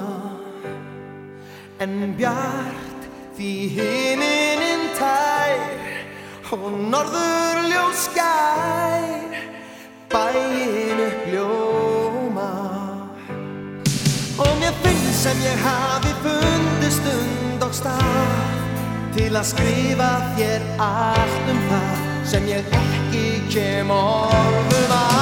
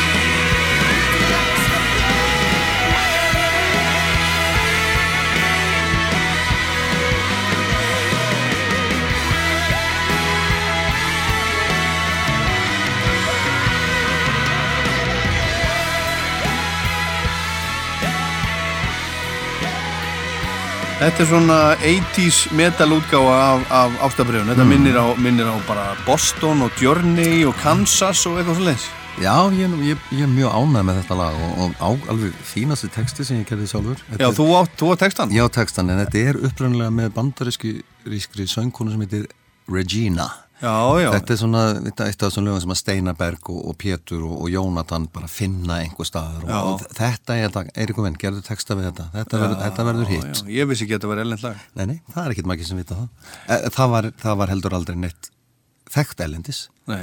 Þeir einhvern veginn bara finna, Eirvor Pétur var mikið Já. svona grúski, sko, finna, finna hluti. Já Herðu, og, og hérna ég einmitt heyrði sko, sko dundufrétti spila þetta mjög, mjög reglulega Já, ok Ég heyrði þá spila þetta um daginn upp á, upp á Akranesi mm Mhm. Sá sá- sá þú spila þar, þeir voru, voru meðal hans að spila þetta Ég kem nú stundum fram með þeim og þá er alltaf tekið ástafrið Er það ekki? Já, já, Vel, eh, skemmtileg útgáfa af þessu þarna, Já, já, þeim. flott, en, já. hérna, en þarna, á þessum tíma við erum, við erum í árunum 1987 Mhm. þarna, þarna, þarna skellur þeir í jólabransan líka er það Jólalega Er það jólallega daga þarna? Já, já, býttu, þú ert hérna, þú gerir jólaladaga, hún, er- hún kemur hann út, þar syngur jólaladaga og jólaþankar mm. og svo ertu líka á fyrstu jólagestaplötu Björgvins. Já, með Höllu Margréti Já, þú og ég. Þú og ég heitir lagið, sko Já. Þannig að þú ert, þú ert alveg, þú ert alveg gaga, þú ert í Alveg. þungarokkinu, þú fyrir í Eurovision, þú ert í Model og svo ertu komin í jólalaga bara. Það, það er eins og bara að sé þannig ef að maðurinn, maðurinn sér 5.000 kall Já, ég tek þetta bara Já, ég, er til í þetta. en hérna, en, en þarna akkurat þegar þú ert í þessu og ég ímynda mig bara, ég veit náttúrulega ekkert hvernig var að vera Eiki Haugs 1987 en þú svona varst alveg rosalega áberandi og búin að vera bara Já. rosalega vinsæll og varst einhvern veginn út um allt þá ákveður þú bara að, að venda þínu kvæði í kross og flytja til Noregs Já. Sko ég held ég, ég held ég hafi verið búin að sapna upp í bankan, þú ert nú bara að vera að ymta á þessu og, og ég er búin að vera að segja að já, ok, ég gerir bara eins og ég vil, mér er alveg skýt sama hvað allir aðri segja Mhm. en uh, ég held ég hafi bara verið komið með þá tilfinninguna, nú er bara, nú er ég búin að gera svo margt, ég er búin að, ég er búin að, já, svo bregðast krosstrið sem önnur trið, er í textanum gull. Nú er ég búin að fara hringin í kringum sjálfa mig svo mikið og svo oft að hvað á ég að gera núna? Ég, er- þú veist, ég er eiginlega búin að missa credibility hjá mörgum. Leið, sko. leiðir þannig? Já, með að fara að líða þannig og einhver, það ástæðan fyrir því að það er haft samband við frá þessu þungarokkbandi Arts er lagið Little Star á drísilblutunni. Þar er við vorum búnir í hljóriða, vorum búin að pakka saman trommunum en vorum bara með sex lög og þetta var alltaf stutt plata. Ég hafði fengið sendt frá kunningin mínu sem bjóð í Trúmsö í Nóri, plötu með TNT sem er mm, hardrock band nost og á þessari plötu var 26 sekundna gítarspill bling, bling, bling, bling, bling, bling. Og það fram eftir guttunum og ég hress svo þessari me melodíu að ég hérna smíðaði lagi kringum þetta, smíða, gerði texta lengdi lagið, bætti við kabla og það fram eftir guttunum og úr því varð lagi Little Star. Svo var einhver sem kvíslaði því að mér að er hérna, þegar ég útskýrði hvernig þetta lag var til. Já, þú meinar en eh, ekki minn hérna eh, þú gerir einn fyrir að þetta er kól ólulegt þú, þú ert að taka þarna eh, hugverk einhvers tónlistamanns og þú ert að gjör breyta þessu, það, þú ert að sækja um leifi og þá er bara farið að skrifa bref, sleikja Aha. umslag og frí, setja frímarki á og sendi á þetta plötufyrirtæki og fæ tilbaka stórt hvitt umslag, alveg vel þygt með bara stefnu. Nei. Jú, þér er stemt fyrir rétti ert, og allt eins og þessi kunningi mér sagði, þú ert að, þú ert að brjóta rétt uppáfsmanns og ég sendi bref tilbaka og útskýri málið og, og bla, þessi platta verið gefin út í þúsund eintökum og, og Ronny Tegru sem er gítarleikarinn í TNT má að sjálfsögðu fá bæði lag og texta royalties búumál og þá fekk ég breyð tilbaka leið fyrir gefum uh, fyrra breyf og þetta er leið við gefum grænt ljós á þetta. Og svo er skrifað um þetta í, í, í Metal Magazine út í Nóri og skrifaði um bandi Drísil og Arts strákarnir í Sarsborg, þeir lesa þetta og þann, þannig er mér bóðið út. Ég fer fyrst út uh, 86 pröfa að syngja með þeim og við gerum eitt koncert saman. Og svo flist ég út höstið 88 Áður að heldur áfram, mm. skulum við heyra þetta lag. Já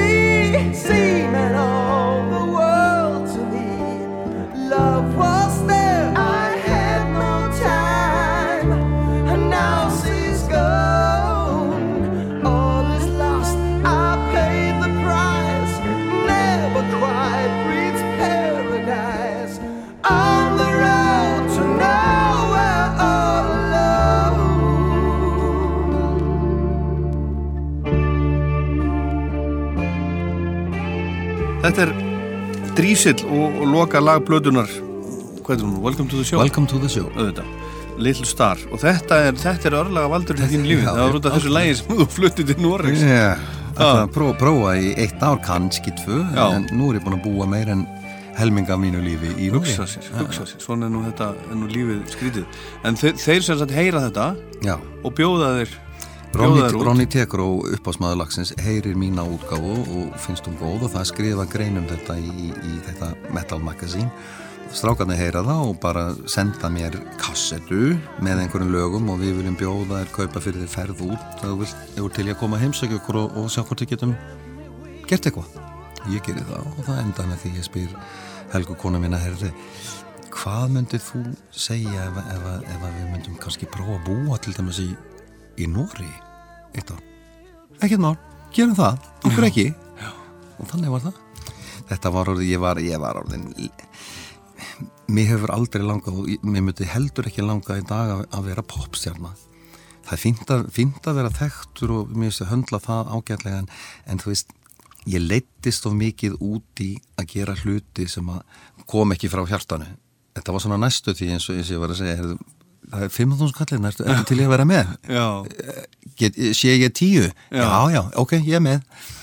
Þannig að ég, já, í, Já, þetta, þannig að þú- þú þetta varst- fór út í öfgar þú, þú varst að gera svona hluti sem þú varst ekki alveg sáttur við. Algjörlega og það er, ég ætla ekki einu svona ég man eftir lögum sem að, sem að þú ert ekki, ekki búin að byrja upp á hérna sem, sem ég myndi gjarnan vilja aldrei hefði heyrst sko. Já, það er þannig. Herðu, þá er það þá er það hinliðin, við skulum heyra hérna heyra í Arts, heitir það ekki Another Return Another to return Church to Churchill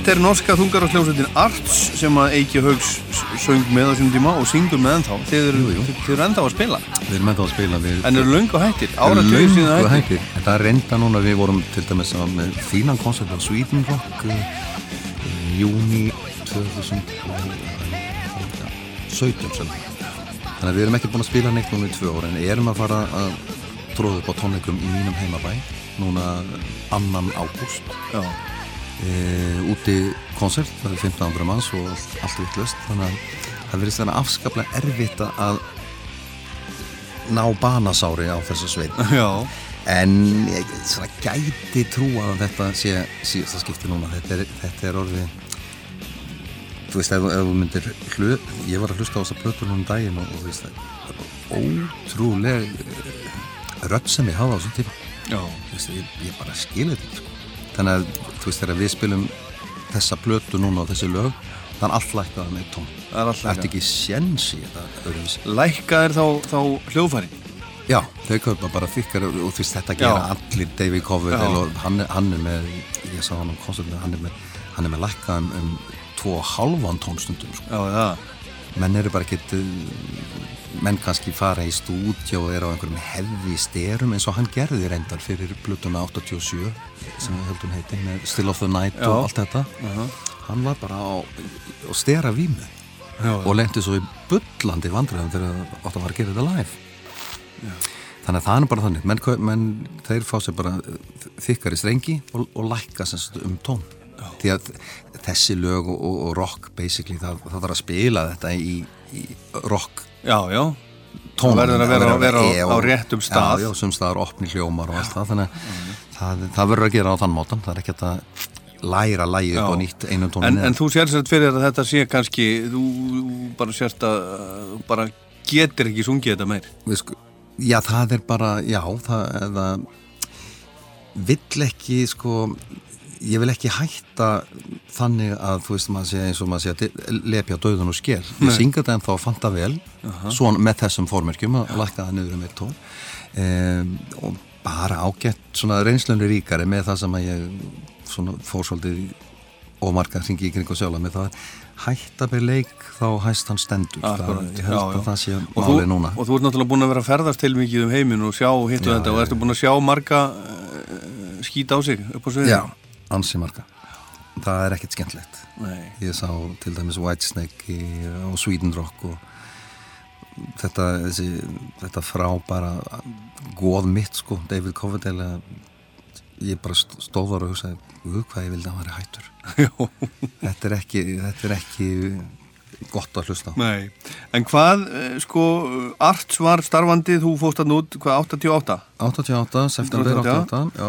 Og bandi var bara starfandi í hvað, fjögur, fimm árið ekki? Jó, við heldum að segja að við höfum lagt upp laupana 93 en, en síðan erum við búin að vera eins og Sweden Rock, Wacken, Open Air. Já. það er svona koma tilbúð þetta er, við erum allir perluvinir og, og, og, og svona festival er, er, er svona hend okkur mjög vel, þá erum við að tala um að maður er að spila kannski 50 til 60, 70 myndur eitthvað er ekki, ekki fullur konsert sko. þannig ég ætla ekki að ég ætla ekki að slá nefanum í borði og segja þetta síðan skipti, þannig að ef, við tölum einhvern tíma saman, Óli, bara eftir Tíu ár? eftir tíu ár spurðu með þessu. Hérna, voruð þið vinsælir í Nóri? Nei, miklu vinsætli í ellendis má segja en við náðum samt aldrei á toppum við fengum, fengum toppskor topp enganir bæði í Metal Hammer í bandaríkjunum Mhm. og Kerrang í Englandi en það var eins og eins og, eins og plötu fyrirtæki hefðu við hefðum við vorum eiginlega svolítið hillu artistar eins og það kallað. Það var eins og, eins og þeir hefðu sænað okkur því við fengum góðan pening fyrir að skrifa undir. Og e, það, það, það er kallað hilluartist þegar menn eru keftir til þess að þú getur sett á upp í hillu af því þú vilt plugga honum Jóni Pálsini sem er á sama leipól sko Ó. þetta virkaði allt saman þannig var, þeir gera plötuna, þeir borga down, down payment eins og það er kallað og síðan var ekkert gert já. það bara við bara vorum látni hverfa sko. það voru, voru grimm örlu því að það er, það er margir mjög sammála og þetta var mjög góð sveit og hefði átt miklu betra skilið en það Svona er lífið. svona er lífið sko. Herðu, en þú gerði þér þarna líka, líka sóloplötu 1989, hérna heima. já. Það er þarna, þá ertu fluttur út, ég fluttur út og, og gerir sóloplötun og skoti í myrkri. Steinar vill að ég geri þessa plötu og, og um, hún bar þess svolítið merki að, að þú veist ég er uh, býð þarna ellendis og kem heima í ákveðin tíma og vinn þetta og það var fenginn sem sá sem var á þeim tíma besti pródusentin Tómas Tómasson en uh, svo einhvern veginn bara þetta var, þetta samstarf gekk ekki alltaf vel sko Hjá þér og Tóma? Já, sko hann var, um, mér fannst hann vera svona, hann var náttúrulega rosalega flinkur og eh, og ég, við vorum, góðir kunningjar á mátar allan tíma en, en þetta lendi svona akkurat tíma sem hann var ekki alveg svona í, í stuði og var mikið hringdi og var veikur og eitthvað svona þannig að veist, þessi tími sem að ég hafði hann var svo, var svo stuttur og var svo knappur og, og endaði með því að ég var, ekkit, ég var ekki með í mixi til dæmis. Og þetta, þetta breyttist breyttist mikið frá því að ég var að var að vinna þetta í stúdíunu og þá gæti þetta loka, loka sem sagt myndin er komin á þetta. Þannig að ég, ég spila þessa plötu aldrei. Mér finnst hún ekki góð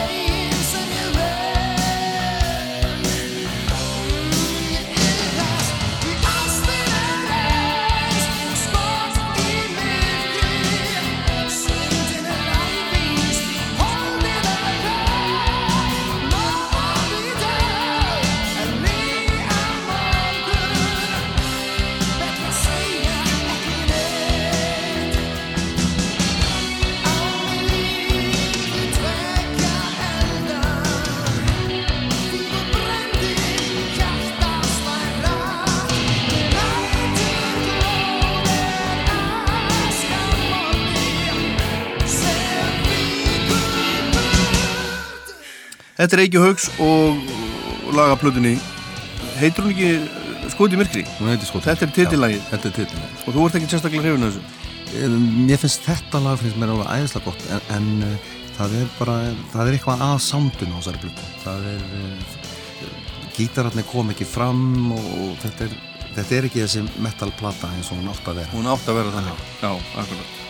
Herðu, en hérna, svo ertu þarna uh, nokkur, nokkur, nokkur setna þá, þá kemur út subplata sem heitir Icebreakers Já, sem Steinar gaf út fyrir erlenda markaðum mm. eftir því. Já. þar ertu með Totmobil og Bubbi og Sálin og svona og allir á ensku. Allir er reyna að meika það. Var nú ekkert mikið úr því svo sem? Nei, en það er nú ekki þér að kenna. En hérna uh, þú ert búin að búa í Noregi síðan þú fluttir út til þess að fara, fara að syngja með Art já, fyrir, 88 fyrir 31 ári síðan. Og, og ertu búin að vera að kenna alltaf líka Nei, nei, ég hef haft það svona í hjáverkum, má segja, þar til núna fyrir þremur árum, þá, þá var ég, má segja, headhuntaður í, í, í fulla stöðu og hef búin að vera í því síðan. Og þetta er í, þetta er svona í, já, þetta er sér skóli, ég, ég er bara með einni með þetta einu. Já. Og þá erum við að tala um stráka og stelpur sem skólar og heimili gefast upp á. Já, já. Það er það mikið, mikið vesen í gangi og það getur, það getur verið hegðunar vandamál og, og þetta er náttúrulega allt saman krakka með ADHD og, og fleiri greiningar oft á tíðum. Þetta getur verið kynfyrslega misnútu börn, þetta getur verið börn með, á, heitir það ádrask Ádróskun ádraskun, já. Þannig að það, það er eiginlega allur gerin og, og það er bara, þetta er svona þetta er bara starf sem er, er bara eins og sniðið fyrir mig sko. Já, Þetta já, er bara, ertu góður í þessu? Já, það, Er- það sem gildir er bara það, er- það er þrennt, það er þólumæði þólumæði og þólumæði og hana hef ég nóga Er eitthvað, er eitthvað, er eitthvað svona eitt sem að einkennur þessa, þessa krakkarla? Er eitthvað eitt Já. svona, er búin að koma á stað, er eitthvað, það er bara það, það sem enginu þau er að hvort sem þau hafa verið erfið alveg frá blöytu barsbeini eða ekki þá eru þau eru þau bara ekki hafa ekki verið alin upp einhverja hluta vegna það, það hefur fengið að ráða Já, heimilunum. Já, það er, það er svona það sem maður getur haft sem samnefnara fyrir þetta. En, en svo eru náttúrulega misjátt sem þeir eru með, með alveg fleiri en tvær og, og þrjár greiningar einhver, einhverja, einhverja sjúkdóma. En þetta, þá va- oft yfirleitt vantar, vantar föðuminn í mynd. Þannig að það sem að ég geri það er, það er miklu mikilvægara hjá mér og, og mínum strák eða stelpu að, að ebla sjálfsvirðingu ebla virðingu fyrir fullornum að fullornum geti verið sagt, strángir, ákveðnir og, og séu samt til staðar eftir að það er búið að brjótast ut slagsmál eða skirpingar eða spörk hvernig sem það er. Já. þannig að ég er, er í því hlutverki að vinna tröst þeirra og það er í rauninni miklu mikilvægara heldur en að kunni markvöldurinn á töfluna. Já, segðu mér frá fjölskyldunni þinni Fjölskylda mín er náttúrulega, ég er eh, fyrir utan það að ég er e- einn af fimm sískinum og, og, og þá er ég sem sagt uh, giftur Helgu Stengriðsdóttur og við við byrjuðum saman þegar hún var 14 ára og 5 daga gömur og ég var 15 Já, þess að verða 16 við vorum einmitt að keira gegnum, hérna, keirðum skeiðavóin bara í gær og þá, þá bendi ég hérna á kjallaratröppunar í leikfimmisal Vogaskóla manstu? Það var hérna inni í kjallaradröpunum á mánudi Já. þá spurði ég hvort þú vildi vera með á föstu já. hún var það alveg sko. eh, við erum búin að ganga í gegnum súrt og sætt við eh, það skildu leiðir 2000, eh, 2002 þetta var, þetta var eitt ár sem að ég tók eiginlega bara allan pakkan getum við sagt ég eh, fekk skildi við kona eða, eða fór frá konu og, börnum tek sama við aðra stúlku greinist mjög fljótlega til það með krabbaminn Hvernig grabba minn? Eistna krabbaminn það er svona, ég syngi mónu núna Já, það er þannig. Og uh, kórona, kórona þetta ár með því að vera tekin fullur við akstur Já, já. misti prófið í tvö ár og allt það öll svo heljar skömm sko. þannig að eftir það, ég, ég bara tók þennan pakka á einu ári og, og síðan hefur leiðin bara leiðið upp á við og við tókum saman aftur Egin börn? Tvær stelpur Já, þegar þú, Já. þú, þú, þú varst búin að segja það. Tvær stelpur, Hildi og Eirún og, og það er eiga sing hvort tvö börnin þannig að ég er fjórfaldur af Löngurinn afi. Og ertu búin að standa þig vel í, í hérna, föður og, aða- og, og, og afalhutarkinu? Já, ég hef fengið hrós, hrós fyrir það og ég held að það sé, og ég nýt algjörlega nýt þess að vera með þessa krakka og, og munurinn á, á að vera pappi og, og svo að vera afi að þú veist, þú ert að fá þessa krakka lánu, þú ert, ert að fá þau lánuð.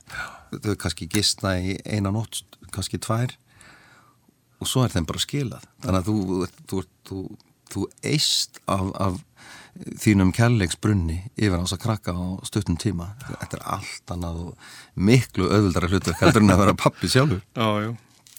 En hérna, en hvað með, uh, já, brennivín, þú sagðist hafa uh, drukkið frá þér bílprófið. Já, já, Hvað, já, með, hvað með svona annað, eh, eitthvað dóp og, og svona hefur... Nei, ég hef alveg, alveg eiginlega verið laus við það, ég, maður hefur, hefur, hefur prófað eitthvað, allavega nóg til þess að eh, nei, þetta er ekki, þetta er ekki minn geiri, sko, Nei. ég hef aldrei frestast því, Pétur sagði mitt, sko, við vorum að spila með fólki sem fannst gott að reykja eitthvað stöf, sko, ekki minn, sko, sko, þú og ég, við erum bara brennivinskallar, við erum ekki það þessu rugli, Pétur hataði dóp, Þannig að uh, ég hef alveg sloppið við það og ég, mér finnst voðalega gaman að drekka og það, þetta er nú, þetta er nú sennilega eina, eina atvinnugrein í, í heiminum þar sem að menn fara eitthvað að spila og, og það áður en þú mætir á, á, í vinnuna, þá, þá er búið að senda það sem ekki alltaf rætir, við viljum hafa eina flöska viski, eina vodka, kassa af öli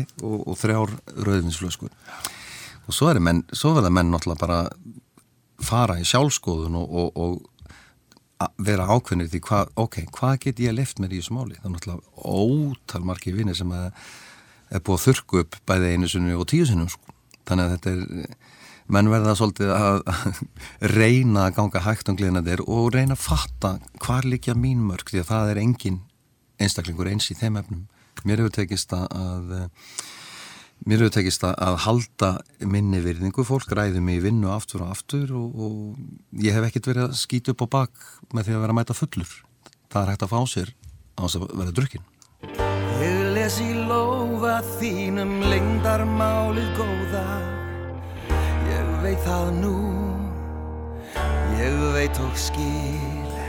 Það er svo ótalmart sem ætla ég að bjóða. Já, betra líf með ást og í Í lófa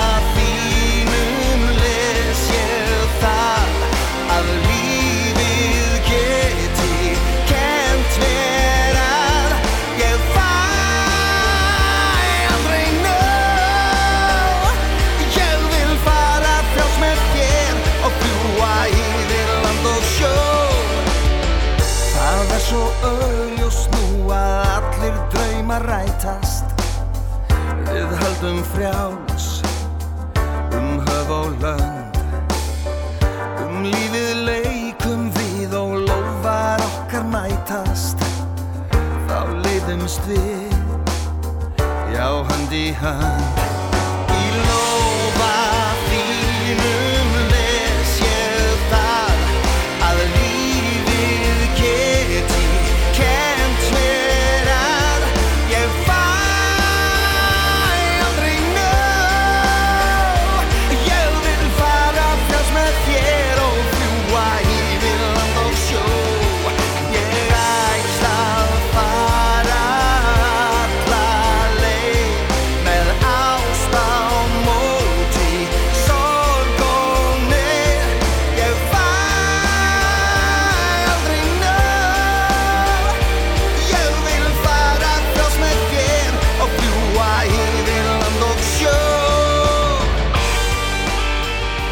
Þetta er, er síðasta Eurovision-lægi sem mm. þú söngst ekki, þetta á 2007 Sjö. Ég lesi lóðinu Þú fórst fyrir Ísland 86, Já. Gleðibankan þetta 2007 og svo keftur líka fyrir Noreg Uh, 91 held ég. Já. Sama ár og uh, Nína var fyrir Ísland. Hvernig var það?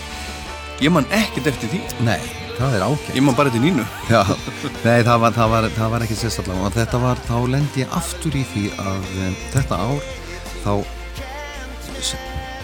NRK sem er sérst rúf út í Nóri þeir ákveða að þeir droppa fórkeppni þeir finnst launin svo léleg sem voru sendin að þeir ákveða að droppa fórkeppni þetta var ríkalegt fjölminna mál og menn eru brjálaðir sko. Og þá er ég í samstarfi með Hanne Krog, einn annar í Bobby Sokkunum sem að unnu Eurovision 1985 og, og, og tveimur öðrum. Við erum með söngkvartett sem er, er búin að ná góðum vinsaldum hérna úti og, og það er aftur er haft samband við mig og okkur frá norska sjónvapinu og við erum bara ráðin í, í vinnu aftur. Við mögum velja lag, við mögum velja stjórnanda, við bara, þetta er ykkar pakki, við viljum hafa ykkur, rest is up to you. Svo það nú eftir að breytast, við vorum búin að velja lag og, og vorum kölluð á fund hjá sjónvarpinu og svo þetta er ekki nógu gott lag sko. Hmm, þetta er já. ekki sigur, sigur strónglegt sko. þannig að við, við þurftum að velja lausn B og það var ekkert sérstætt og það, ég held að við lendi ég, 17. sæti held ég frekar heldur en 16. sko Nína var, Nína var miklu skemmtilega lag og þá hitti ég mitt náttúrulega Eva og Steppa og allt það fólk og Pétur var farastjóri getur ímyndað þér hvað var gaman í Róm? Já, ég skal trúa því Já, Pétur var farastjóri, hann var náttúrulega allt í öllu á Trygglason það var alveg ríkalega og skemmtilega permanentið svakalegt. Herðu, Eiríkur Haugsson Ertu trúaður? Nei, það er ég ekki. Ég er uh, ég trú á sjálfa mig ég trú á það góða í mér og, og það eru er mörg gullkorni í, í biblíunni, biblíun er ekkert það er ekkert, ekkert engi villis að lesa hana. En, en uh, ég kem reyna að koma fram við aðra eins og ég vil að aðrir komi fram við mig. Ég er uh, reyna að vera sangjarn, ég er ekki fordómafullur ég met fólk ekki eftir, eftir húðlit eða, eða mentun eða menningu vil meina að allir séu fættir jafnir og, og reyna lifa eftir því. En ég trú ekki á eitthvað líf eftir dauðan eða æðri tilverustig.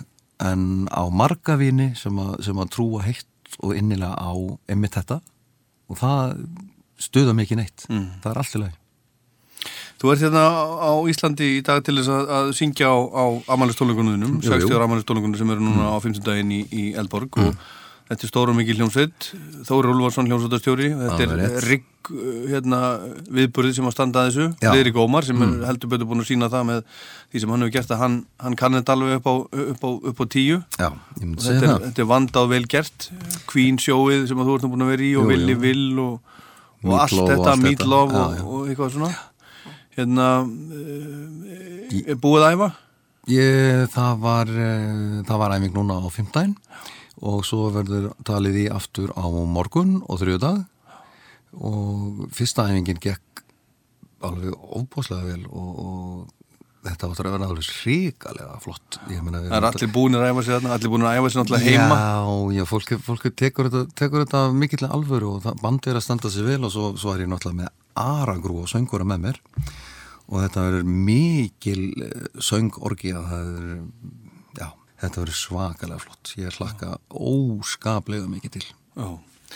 Herðu, við ætlum að enda hérna á að heyra upptöku frá, frá ammælistónleikunum þínu þegar þú varst 50 Þú meinar? Rástföð tóku upp tónleikana þínu sem voru í Östurbæ Já. Þú marst náttúrulega vel eftir því kvöldi það var ekki nema bara í hitu fyrra þegar þú varst 50 Já, nákvæmlega, nákvæmlega og, og þá fjöstu Ken Hensley hinga til Íslands Já. Þú erum að spila mikið með Spil, með já, honum. svona alveg fram til við, við Ken Hensley og Júria Hýp, ædóliðir bara Já, síðan þú varst bara 15 ára eða ekki Þetta er ótrúlegt að, að þetta skuli hafa gerst og, og, og bara frábært að, að þú veist maður er allt í hennu var maður á sviði, ekki bara á sviði, maður var frontmaður fyrir þennan mann sem að var mitt átrúna góð með David Byron söngvara.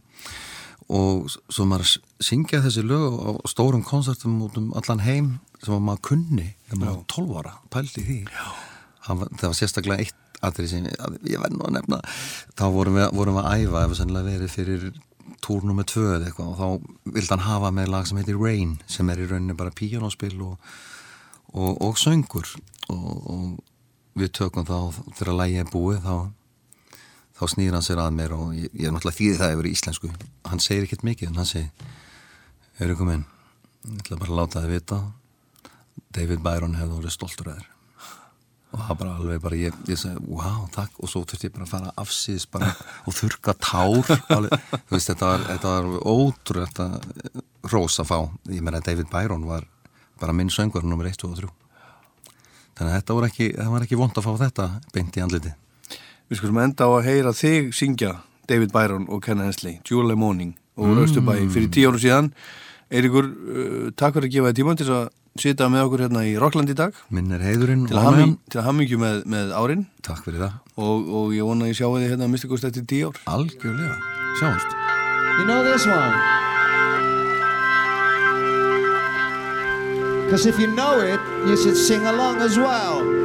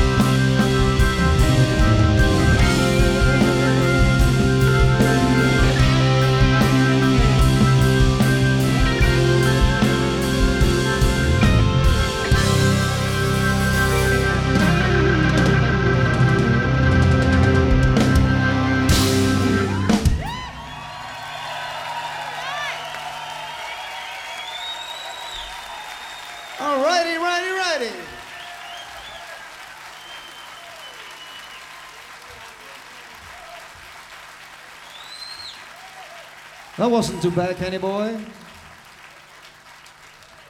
We've been practicing, haven't we? Well, we're too old to practice anyway, so. Um